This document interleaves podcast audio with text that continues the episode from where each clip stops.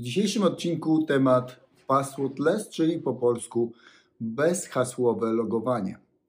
To jest nowy trend, który idzie wyraźnie, e, idzie ze strony Microsoftu, idzie ze strony Apple'a, idzie ze strony Google'a, e, czyli tak wiodących producentów systemów operacyjnych. O co tutaj chodzi?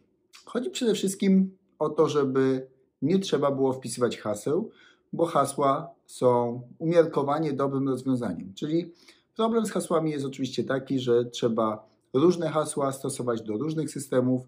Jeżeli chodzi o pamiętanie, to człowiek nie jest w stanie tego zrobić dla wielu systemów, więc opcje są dwie. Pierwsza, gorsza, czyli stosujemy to samo hasło do różnych systemów. No i wiadomo, że jeżeli potem jeden z systemów zostanie skompromitowany, hasło zostanie e, rozpoznane, no to wtedy atakujący próbują do innych systemów używać tego samego hasła. E, czyli prosty sposób na e, przejęcie usługi, dostępu do konta i innych rzeczy, które są z tym związane. Drugi sposób dzisiaj stosowany to jest oczywiście hasła przechowywane w jakimś storze bezpiecznym, czyli w jakimś jakiejś aplikacji najczęściej, która umożliwia nam e, przypisywanie indywidualnych haseł do poszczególnych systemów. Oczywiście jest jeszcze jakaś, e, jakiś wariant trzeci tego sposobu, czyli ktoś chodzi z notatnikiem i sobie w tym notatniku wszystko spisuje. Każdy z tych sposobów ma swoje plusy i minusy, oczywiście, ale generalnie nie jest to najlepsze rozwiązanie. No i teraz wracając do tego e, wątku, dlaczego idziemy i producenci globalni idą w stronę umożliwienia logowania e, w ramach podawania danych biometrycznych, a nie, czy też kodu PIN do urządzenia przykład mobilnego, a nie w kierunku rozwoju tych przechowywania bezpiecznego haseł. Chodzi o to, że każdy z nas, albo prawie każdy z nas, używa już teraz urządzenia mobilnego typu smartfon. Czyli jest możliwość, i dzisiaj są też takie aplikacje, które umożliwiają logowanie bez hasła, czyli na zasadzie e, chociażby drugiego czynnika uwierzytelnienia, logujemy się do banku, a bank mówi, e, to jeszcze mi potwierdź w aplikacji, że ty to ty. Czyli używamy hasła i potwierdzamy w aplikacji w sposób, e, czyli ten drugi czynnik w sposób bezhasłowy. No i teraz idea jest taka, że będziemy mieli w Androidach, w iOS-ach, czy też w rozwiązaniach Microsoftu na urządzenia desktopowe, e, moduł, który umożliwia odwołanie się e, do tego urządzenia i potwierdzenie, że ja to Darek Korolewski.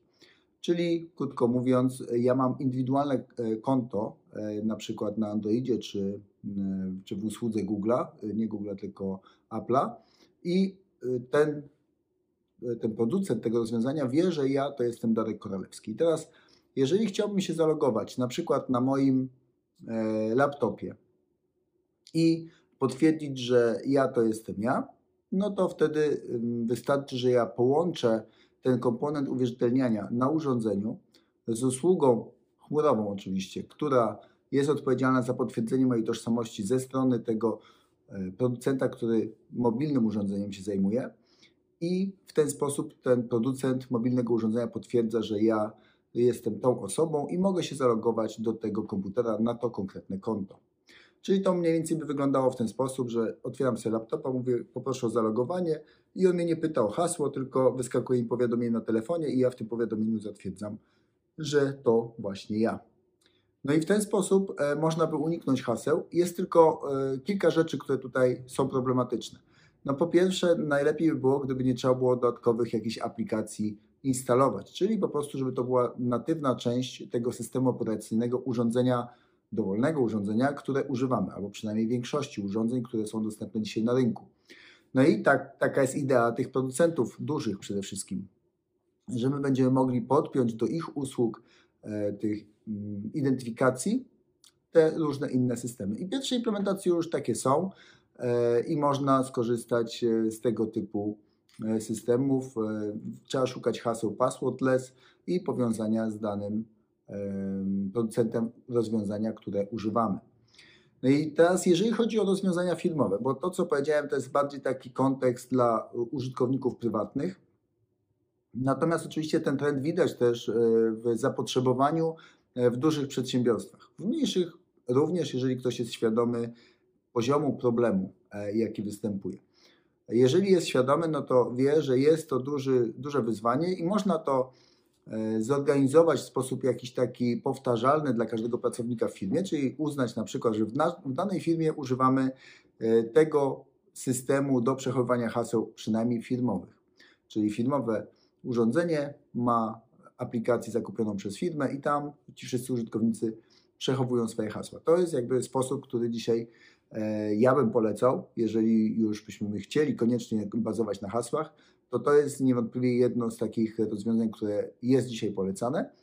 Nie jest ono idealne, ale jest polecane jako rozwiązanie lepsze niż e, po prostu przyklejanie jakichś karteczek na jakichś monitorach, trzymanie w dodatnikach haseł albo używanie tego samego hasła do wszystkich systemów. Co jeszcze można zrobić, jeżeli chodzi o firmowe podejście? Oczywiście można używać certyfikatów. E, I te certyfikaty, jeżeli nasze urządzenia to wspierają, a dzisiaj dużo urządzeń końcowych wspiera taki moduł TPM, czyli że przechowujemy klucz prywatny naszego certyfikatu w takim sprzętowym e, sejfie na tym komputerze czy tym e, telefonie i w zależności od urządzenia i od systemu operacyjnego te klucze prywatne są bezpieczne jeżeli tak jest to zaimplementowane. Znam też e, sposoby implementacji takie, gdzie te, zwłaszcza urządzenia mobilne, takiej możliwości nie mają, no i tutaj no i tu jest już niestety troszeczkę większy problem, że albo podejmujemy decyzję, że mniejszy poziom bezpieczeństwa, czyli przechowujemy te klucze prywatne po prostu jako plik, e, albo e, no po prostu realizujemy jakąś inną formę tego uwierzytelniania. No i teraz e, to, to jest jakby to, co dzisiaj często spotykam albo zalecam przynajmniej, żeby stosować te dwa podejścia. No i teraz wyobraźmy sobie, że w tym naszym firmowym podejściu chcielibyśmy podobny koncept, koncept zaimplementować jak ten przez Google, Microsoft i Apple.